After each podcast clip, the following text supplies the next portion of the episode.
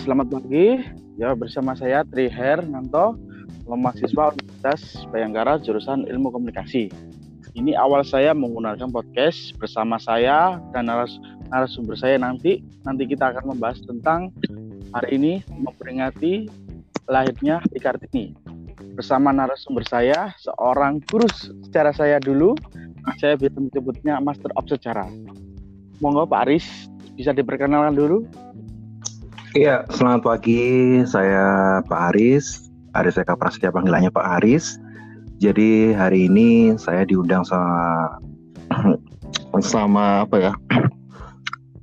siswa yang dulu sangat senang sejarah gitu ya dan sekarang masuk ke ilmu komunikasi dan sekarang pengen bahas tentang materi sejarah Kartini saya menyebutnya judulnya enaknya judulnya anu aja memperingati Kartini oh. di masa pandemi. Wah, aduh keren itu kayak. Wah, sekali kali di wabah pandemi Covid Corona ini ya, Pak ya. Oke, siap. Yuk, uh, mungkin dengan pertama awal saya terkait Hari Kartini. Apa sih makna Kartini menurut Bapak sendiri?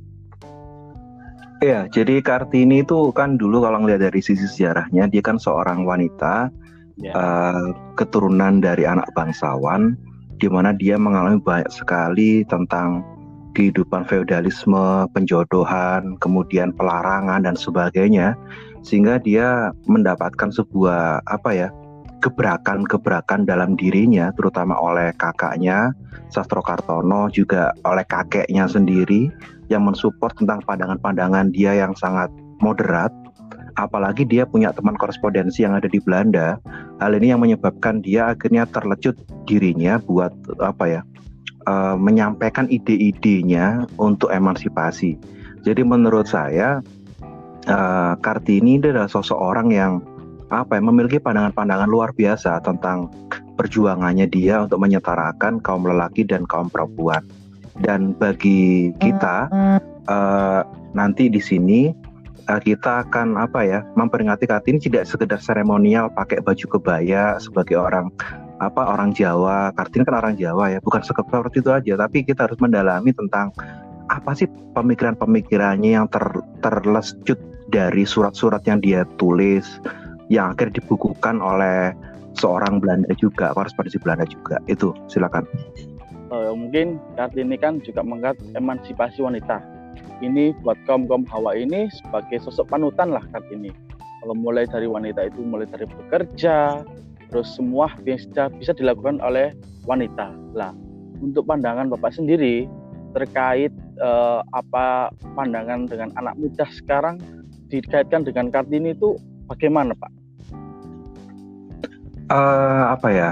Kalau kita melihat dimensi sekarang pola pandang sudut pandang yang sekarang mengenai anak muda atau mungkin wanita-wanita sekarang terhadap Kartini sudah banyak sekali perubahan di zamannya Kartini dulu banyak sekali pelarangan hmm. yang sekarang sudah apa ya sudah banyak perubahan bahkan bisa sekolah bisa menggunakan hak yang sama dalam bekerja dan usaha dan sebagainya tapi ada tapinya terkadang mereka itu tadi kalau orang sudah dikasih sebuah kewenangan sebuah apa ya uh, kesamaan akhirnya minta yang lebih minta yang lebih. Sehingga banyak sekali yang sekarang kita jumpai uh, anak-anak wanita terutama anak-anak gadis-gadis kita itu sudah banyak apa ya keluar dari relnya keluar dari jalurnya bahkan merendahkan harkat martabatnya dia sebagai seorang wanita. Kamu sendiri juga pasti tahu lah punya temen yang lu kok iya. seperti ini ya dan sebagainya gitu. Akhirnya berpikir lo Kartini tidak pengen seperti ini. Coba kita lihatlah ajaran-ajarannya Kartini dalam tulisan-tulisannya. Enggak enggak seperti itu gitu gitu. Ya untuk apalagi di kalangan milenial sekarang ini Pak ya.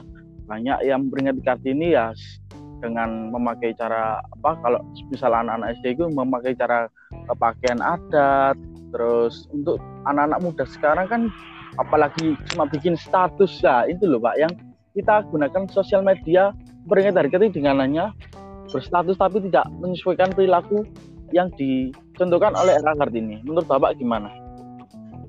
Iya, kalau menurut saya memperingati sesuatu itu baik-baik saja, tapi yang lebih utama adalah memahami apa yang kita peringati. Jadi nggak sekedar apa ya, kalau anak sekarang itu kan latah gitu ya.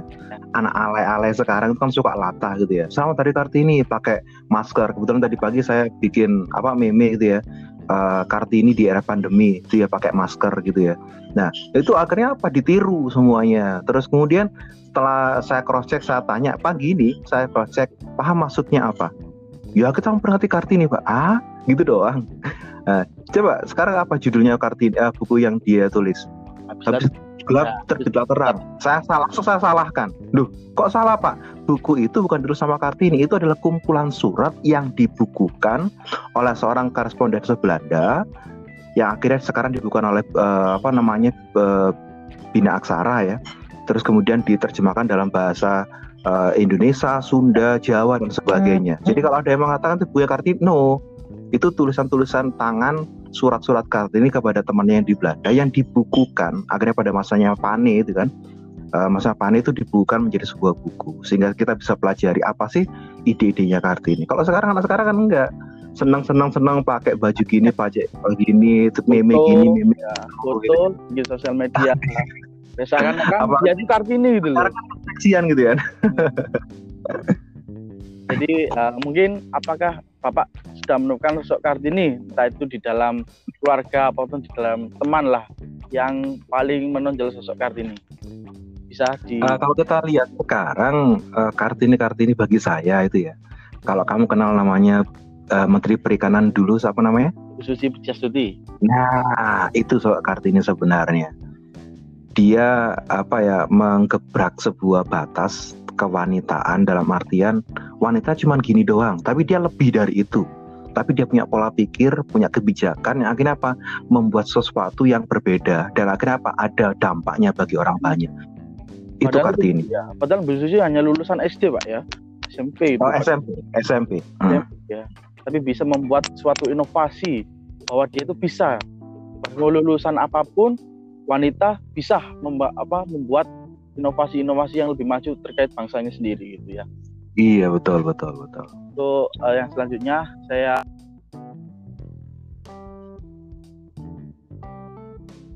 apa?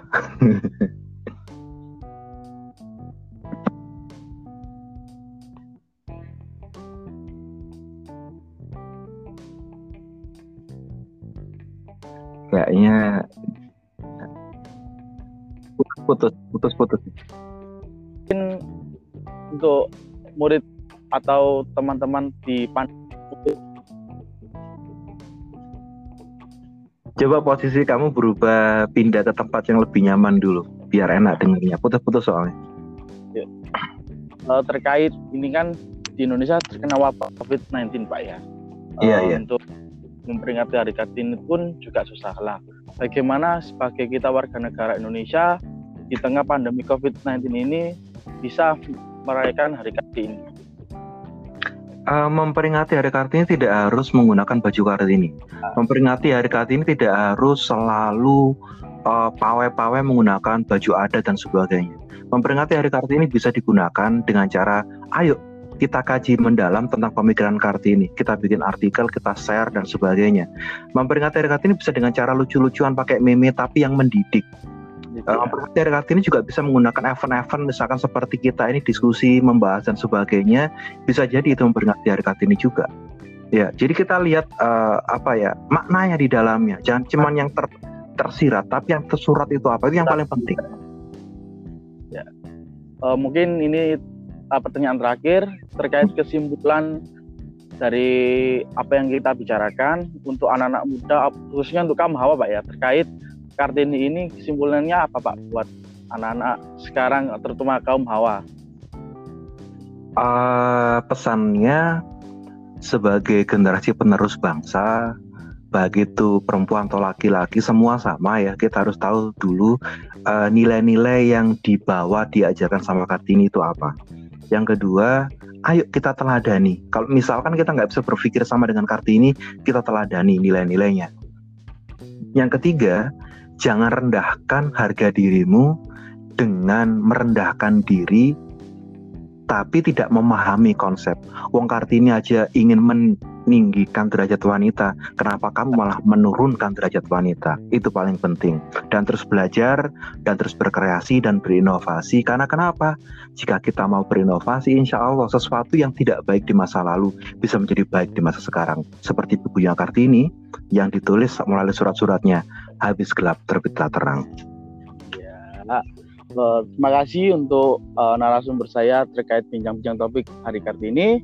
Semoga Bapak sukses sehat, jaga kesehatan di pandemi corona ini. Uh, semoga bermanfaat untuk apa yang kita bicarakan. Next kita akan bahas lagi topik. Uh, sekian, selamat pagi dan sampai jumpa. Thank you.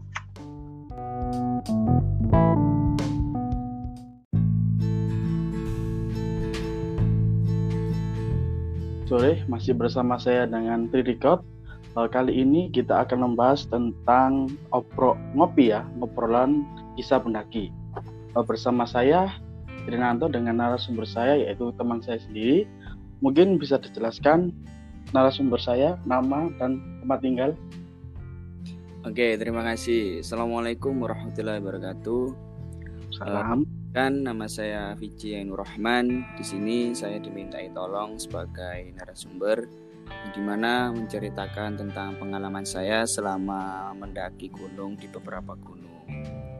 Ya, ini pertanyaan pertama ya Mas Vici ya.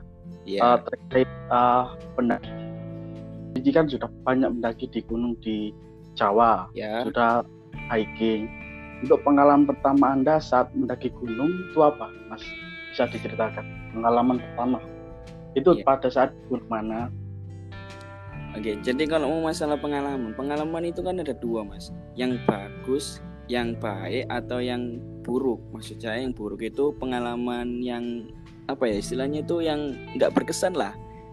Yang mana dulu, yang baik atau yang buruk? Ya pengalaman anda ya juga baik juga buruk lah sebagai. Ya oke, okay. jadi mulai yang bahagia mas ya. Jadi kalau ngomong masalah mendaki gunung itu pasti ada baiknya ada buruknya ya toh. Saya rasa kalau mau masalah baik eh, pengalaman saya yang baik itu ketika saya mendaki gunung di Semeru. Kenapa Semeru? Karena apa ya itu Semeru itu kan atap Jawa. Jadi ketika saya Mantap tinggi di Jawa itu mas iya, ya? itu sangat ya apa sih istilahnya itu sangat sangat menyentuh hati saya ketika saya sudah berada di puncak meskipun dulu itu waktu saya masih SMK kelas berapa ya? Kelas 2. Itu itu waktu SM, SMK itu. Ya, itu, itu SMK kelas 2. Jadi dulu itu momen-momen seperti itu saya sangat sulit mengabadikan karena dulu kan masih zaman gadget itu ya, belum zaman belum ada apa ya se modern ya. sekarang. Ya. Oh itu sampai puncak gitu mas ke Gunung Semeru itu sampai puncak? Ya dulu alhamdulillah sampai puncak sama rombongan uh, teman-teman sekolah itu kurang lebih enam orang. Enam orang? Ya enam orang. Oh men saat anda mendaki gunung pertama kali itu dan sampai puncak itu gimana mas rasanya? Jadi bagi seorang anda pendaki gunung ya pasti saya kaget lah mas. Karena gunung gambaran saya dulu ketika saya awal muncak itu adalah seperti ya seperti kayak bumi-bumi perkemahan pada umumnya. Itu feeling saya itu feeling saya ketika dulu awal saya muncak. Eh ternyata ketika saya sampai puncak itu semua asumsi saya awal itu salah semua. Lebih bagus daripada yang saya apa rencanakan dari awal. Adakah itu mas hal-hal yang nggak menduga saat anda mendaki gunung? Oh pasti ada, pasti ada ada itu. Satu lah hal yang tidak iya. diduga. Hal yang tidak buat diduga. Apa yang yang paling berkesan buat anda. apa uh, di luar saya yang saya inginkan itu adalah kebelet ini kebelet buang air besar. Itu ya. hal, hal yang tidak saya duga dan tidak saya inginkan pastinya. Oh, pernah nggak anda dan teman anda pernah mengalami apa kelinci terus kejadian-kejadian yang uh, mungkin ada hipotermia atau gimana gitu pernah nggak? Uh, kalau hipotermia pernah sih pernah, cuman nggak separah sampai sekujur tubuh itu kaku semua. Cuman dulu itu sampai hanya kaki saja. Ketika saya di Gunung Arjuna kalau nggak salah di pos pos 2 pos 2 uh, kop kop ini pondokan pondokan Gunung Arjuna itu dulu pernah teman saya mengalami hipotermia. Untuk penanganannya sendiri pada saat itu mas gimana? Jadi untuk dengan teman anda ya memang hipotermia kan disebab uh, disebabkan karena kedinginan ya mas ya kedinginan bisa dari kehujanan bisa karena tubuh dia itu menurun imunnya bisa juga dia itu keringat dan dia itu ketika mau tidur lupa ganti baju dan sebagainya nah dulu teman ya. saya itu kena hipotermia itu karena kedinginan kehujanan. Jadi ya. salah satunya yang langkah yang pertama adalah kita ini memberi apa anget-anget kepada angkatan. Uh, diberi diberi anget-anget kita ganti bajunya kita lepas semua bajunya. Setelah itu kita bawa keluar tenda kita buatkan api unggun sama buatkan seperti teh panas minuman-minuman yang bisa menghangatkan tubuhnya. Jangan sampai dikasih ya mas iya. jangan sampai dikasih balsem karena kenapa oh, kenapa enggak Kenapa ya, kamu dikasih balsam itu? Ya, jadi balsam itu bisa membuka rongga pori-pori kulit kita. Memang awalnya balsam itu ini bisa menghangatkan tubuh, tapi lama kelamaan pori-pori rongga kulit kita itu terbuka lebar dan akhirnya menyebabkan udara masuk itu berlebihan. Tuh. Ini Mas ya, kejadian hipotermia di gunung ini sampai menyebabkan kematian. Ya. Sangat apa ya? Yang harus dilewati oleh pendaki gunung itu benar-benar hipertemia itu harus di penanganan secara pertama gitu mas hipertemia itu ya. Iya pasti. Uh, untuk selanjutnya untuk pernah nggak mas di gunung itu pernah mengalami kejadian hal mistis lah di beberapa gunung? Uh, ke... bisa ya hal mistis ya Ya. Jadi kalau ngomong masalah hal mistis gunung itu kan pasti ada ya Mas ya hal mistis pasti ada. Jadi kalau ngomong hal mistis itu kalau yang ini yang paling saya ini ya yang saya paling saya ya. uh, alami yang istilah yang terseram ya Mas ya. Itu ketika saya naik ke Gunung Arjuno. Nah, itu kebetulan di situ saya sebelas rombongan dengan teman saya sekolah sendiri. Itu campur ya Mas? Enggak, enggak apa enggak campur ya. nggak nggak teman sekolah semua. Tapi ada beberapa temennya teman saya yang kuliah di salah satu universitas di Surabaya. Saya dengan teman saya itu tiga orang diminta tolong untuk mengantarkan rombongan teman saya di Arjuno tujuh orang. Eh delapan orang. Jadi totalnya sebelas. Eh, hari pertama sih normal hari pertama normal saya pun muncak start itu pukul dua. Pokoknya setelah Ba'da Asar mau Ba'da eh Ba'da Duhur sebelum Ba'da Asar mepet-mepet Ba'da Asar saya start ya. terus saya uh, langsung camping di pos 1 di ini Kop-Kopan. Itu sudah malam. Kopan. ya itu sudah malam. Terus uh, saya lanjutkan subuh pagi subuh jam 4 kalau nggak salah uh, saya ke Pondokan. Setelah sampai pondokan itu sampai pukul jam jam berapa? Kalau nggak salah itu jam 11 jam 11 jam 10 saya sudah sampai uh, pondokan. Itu hari kedua ya mas? Hari kedua ya. uh, saya apa namanya di pondokan. Setelah itu nah di situ terjadilah ini perdebatan. Teman saya minta camp di pondokan yang teman satunya yang rombongan yang dari universitas lain itu minta camp di Lembah Kidang di Lembah Kidang. Ya. Nah setelah itu uh, berhubung uh, saya cuma tiga orang saya cuma mengantarkan akhirnya saya turuti di Lembah Kidang. Sebenarnya kalau ngomong masalah camp, kalau di Lembah Kidang itu sangat ini sangat rawan. Rawan, rawan seperti angin, rawan seperti ya hal-hal yang tidak diduga itu terus nggak ada air juga. Jadi kenapa kok lebih safety kita ngecamp di pondokan? Karena semua fasilitas ada. Dan akhirnya uh, saya turuti camp di Lembah Kidang saya melanjutkan perjalanan. Perjalanan sampai Lembah Kidang itu kalau nggak jam setengah tiga sore. Nah saya di situ mendirikan tenda. Mendirikan tenda. Kita rencana malam itu muncak mas hari kedua hari ya. ketiga eh hari kedua jam 11 jam 10 lah kita rencana mau puncak start dari lembah kidang eh, lembah kidang lah kok ternyata ada salah satu eh, temen dari yang dari universitas lain itu apa namanya keinget bahwa dia besoknya itu ada acara di kampus dan itu tidak bisa ditinggal.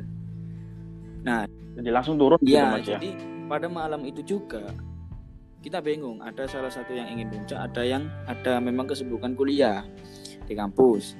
Akhirnya kita pecah jadi dua. Ada yang turun pulang, ada yang masih lanjut puncak. Dan akhirnya saya ikut lanjut turun dengan bersama lima orang. Jadi enam orang masih di ini masih di lembah lembah kidang. Di lembah kidang. Ya, lima orang ya. turun. Saya bersama teman saya satu, yang tiga itu dari ini universitas lain. Ketika saya mau turun, itu turun itu sekitar jam setengah sebelas, setengah sebelas saya turun dari Lembah Kidang. Pas perjalanan mau ke Kop-Kopan, saya lupa waktu itu saya eh, sampai mana. Itu ini se apa? Sepertinya saya itu merasakan seperti di bulat-bulatkan di jalur itu saja kayak agak jauh gitu jalurnya ya. mas ya seharusnya kan lembah kitang ke Kopkopan itu kurang lebih 5 sampai 6 iya 5 jam sampai 6 jam atau 4 lah. Itu sudah sampai Kopkopan. Eh ya Kopkopan. Tetapi kok sampai berlebih seperti itu? Dan teman saya itu bilang e, saya merasa lewat jalur ini sudah tiga kali. Seperti itu. Itu hal yang ini ya seram tapi lucu juga sih ya. sebenarnya kok bisa gitu loh um, ya mungkin kan mungkin dari uh, Arjono sendiri kan juga mitos dari gunung itu sangat mistis mistis mistisnya kental gitu mas ya uh, ter, itu apa terkait juga mungkin karena ada rombongan yang terpisah atau ah. terpisah yang itu kan juga bisa ya. mungkin ada faktor-faktor lain juga bisa ya. untuk kejadian mistis pernah mengalami sosok lontong kupat dan juga ketawa-ketawa itu belum pernah mas. Uh, kalau sosok langsung itu uh, pribadi saya belum. Tapi kalau seperti suara itu ya pas pernah. Itu waktu di Arjuna juga itu itu pernah ketika saya camp. Pernah. Kalau sosok real itu kayak saya belum pernah. Belum pernah. belum pernah. Kalau masnya kelihatan langsung gimana ya. Langsung ekspresinya. Ya kalau kalau lihat langsung pasti otomatis ya saya pikir dua kali mas. Mending saya nggak naik saya karena oh ya ini kan ya mas Bibi kan juga banyak mendaki gunung. Bisa belum kan tadi awal kan belum disebutkan gunung mana saja yang pernah saya mendaki. Ya jadi kalau di daki itu pernah penanggungan pernah per Arjuna pernah eh uh, Jengger oh. pernah Budak pernah tapi belum sampai puncak. Semeru pernah uh, Sindoro pernah Ciremai pernah Merbabu pernah. Ini pengalaman ini tuh pendaki-pendaki yang hebat ini ya senior senior ini ya. Mas. saya awal mendaki juga sama sampean loh ya di penanggungan ya, itu. Jangan salah loh. jadi sebenarnya awal-awal saya mendaki dengan penanggungan di dengan anda. Ya sebenarnya kalau masalah muncak kenapa kok dulu bersering mas? Karena kan dulu ini temen-temen teman se apa ya sehobi puncak itu banyak. Jadi apa ya keinginan untuk muncak ke sana kemari itu karena ini karena rencana teman-teman. Jadi ini apa saya itu sebenarnya itu ngikut ngikut teman-teman. Teman-teman berbabu ya yuk berbabu sindoro ya yuk pokoknya ini ya pokoknya selagi tubuh itu siap ya kita saya berangkat. Oh ya mungkin di gunungan juga ada pantangan-pantangan juga mas. Yang paling uh, apa ya yes, umum-umum ketika kita mau mendaki gunung itu apa aja pantangan-pantangan kita? Ya jadi kalau ngomong masalah pantangan setiap gunung pasti berbeda ya mas. Pasti berbeda. Terakhir itu uh, saya di Arjuna mungkin juga sama mas. Di situ kan bilang kalau pantangan seperti nggak boleh ganjil lah nggak boleh pakai celana atau pakaian warna merah ya gitu. boleh ngomong sembarangan meso dan sebagainya teriak-teriak. Nggak boleh metik apa Adelweiss bunga abadi nggak boleh jahil bawa pulang barang-barang gunung. Nggak boleh kencing sembarangan nggak boleh buang sampah sembarangan. Putung rokok apalagi. Itulah yang pokoknya kalau saya sih intinya hal yang bisa merusak alam itu adalah pantangan mungkin juga ini ya terkait mitos-mitos di gunung mas ya. Ketika kita mendaki kan masnya juga tahu. Mungkin untuk apalah kayak ketika wanita haid itu nggak boleh iya. daki terus nggak boleh ganjil itu kan juga mitos-mitos di gunung yang apa yang membuat kita selalu was-was itu mas. Ya ya mungkin apa ada kejadian lucu saat momentum anda mendaki gunung bersama teman anda? Uh, mungkin apa yang paling berkesan menurut Anda? Kalau yang paling berkesan itu yang kemarin yang terakhir itu ke Arjuna itu satu karier isi logistik ketinggalan. Itu hal yang itu hal yang hal yang paling bodoh yang paling lucu iya. gitu. Apalagi itu saya tahunya kan ketika sudah setengah perjalanan. Bayangkan kalau setengah apa? Sudah setengah perjalanan baru sadar logistik ketinggalan. Semuanya kita naik nggak pakai logistik kan lucu mas janjinya nanti. For survival. Bisa-bisa jadi orang hutan saya. Iya iya iya. Iya ya. itu hal-hal yang paling lucu mungkin ya. buat itu orang iya, lagi seperti kita. sepele tapi efeknya besar. Kita kan kan karena besar. itu kan berhubungan dengan ini kan berhubungan dengan kekuatan juga kan. Maksudnya Survive, iya ya. maksudnya kan uh, kalau kita nggak makan kita dapat tenaga dari mana? Kan gitu. Ya ini mungkin apakah benarkah kita?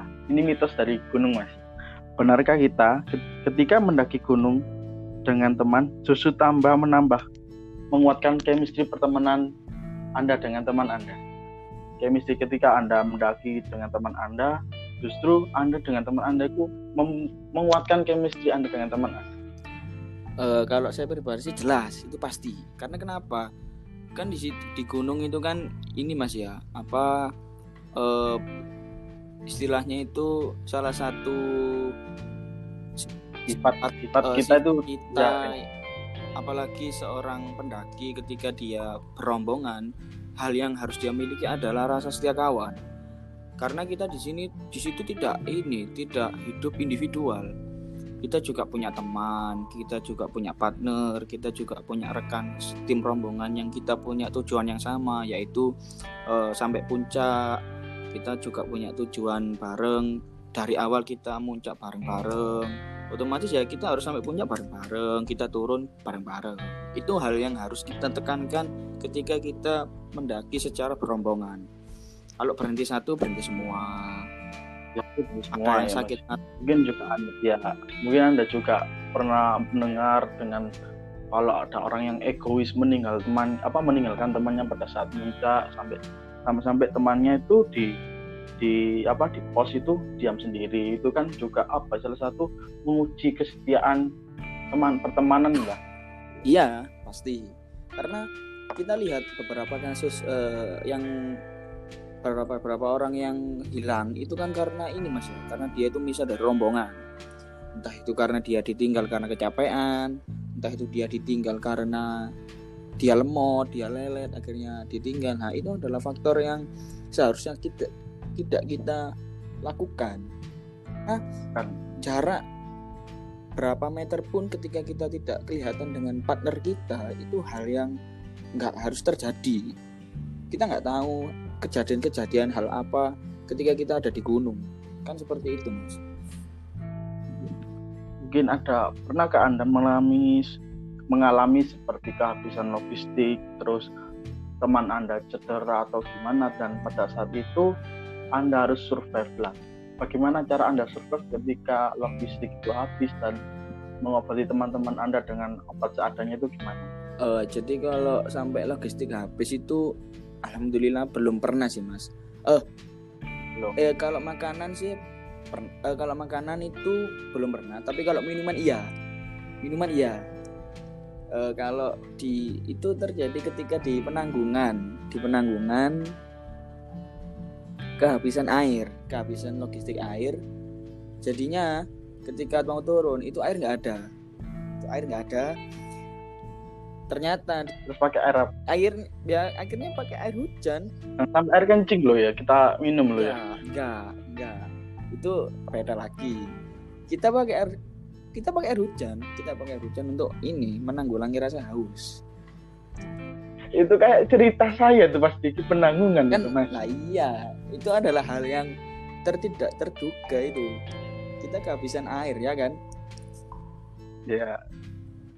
Oh ya inilah tips dan trik saat mendaki gunung dan survei di gunung terkait uh, peralatan-peralatan apa buat kita safety di gunung itu apa aja uh, jadi kalau ngomong masalah safety itu hal yang utama ya mas ya. karena ketika kita mendaki gunung kan banyak rintangan banyak hal-hal yang bisa melukai diri kita seperti hewan liar tanaman berduri tanaman berbahaya beracun dan sebagainya jadi saran saya ketika teman-teman mau mendaki lengkapilah safety teman-teman seperti pakai sepatu biar tidak menginjak hal-hal yang tajam pakai celana panjang. Karena kenapa pakai saya saran uh, pakai celana panjang? Biar kita tidak ini ketika kita menabrak sesuatu pohonan yang berduri tidak tergoyah berduri. Nah, terus kalau lembab kita tidak mudah di apa tidak mudah terkena lintah kita tidak mudah terkena serangga.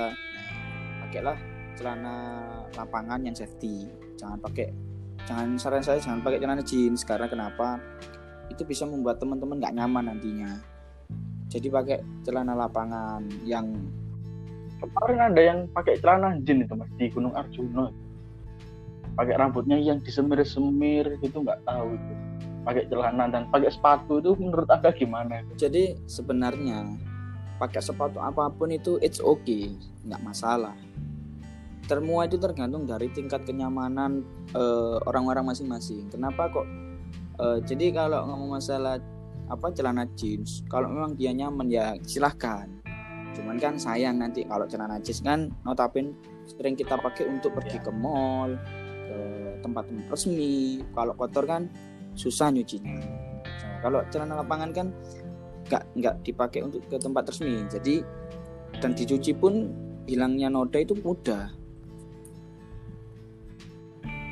Ini pertanyaan terakhir mas ya uh, di tengah pandemi corona ini kan juga kita untuk untuk yang camping maupun traveling maupun daging kan juga dilakukan yang nggak bisa kita kena. Mungkin ketika setelah wabah corona ini telah selesai gunung mana yang anda akan coba setelah pandemi corona ini? Yang akan anda jelajahi atau daki uh, kalau saya sih setelah COVID-19 ini selesai ya mas saya pengen ke Semeru sama teman-teman teman-teman kampus. Karena kan saya belum pernah belum pernah maksud saya saya ketika daki itu bukan bonusnya bukan puncaknya yang saya ambil tapi sensasi bisa, bisa berjalan bareng dengan teman-teman kampus itu kan saya belum ini belum merasakan sampai di saya bawa ke Semeru. Itu yang pengen bukan Semeru sekarang kan sedang erupsi jadi mungkin kemungkinan atau nggak bisa kita daki iya. entah nanti nggak tahu selanjutnya atau info pembukaan uh, pendakian juga nggak tahu. Mau saja pendakian Semeru Amin. Uh, untuk ini terakhir. Daki bersama teman kan sudah hal yang paling ya biasa lah. Untuk dengan ada rencana daki dengan si dia lah uh, ini pertanyaan berat. Berat untuk dijawab sebenarnya jadi kalau daki sama dia dia siapa mas? Ya si dia si doi lah katakan si doi gitu pak. Si doi. Ya. Bukan si doi si ya, doi. Kalau daki sama si doi ya tunggu dulu lah mas. Tunggu sampai setelah halal baru kita ajak daki. Allah. Ajak daki Terima kasih ya. Terima kasih narasumber saya ya, Mas Biji. Terima kasih untuk waktunya. Sama. Mungkin dan kesempatan kita bisa sharing-sharing lagi tentang uh, ngobrol tentang pendaki. Next, selamat sore, sampai yeah. jumpa. Untuk kesimpulan kesimpulan kesimpulan uh, terkait ini wabah corona ini buat teman-teman. Buat teman-teman semua. Uh, ya. Jadi kesimpulan saya saran saya buat teman-teman semua di tengah wabah COVID-19 seperti ini tetap ikuti uh, anjuran pemerintah, tetap ikuti apa?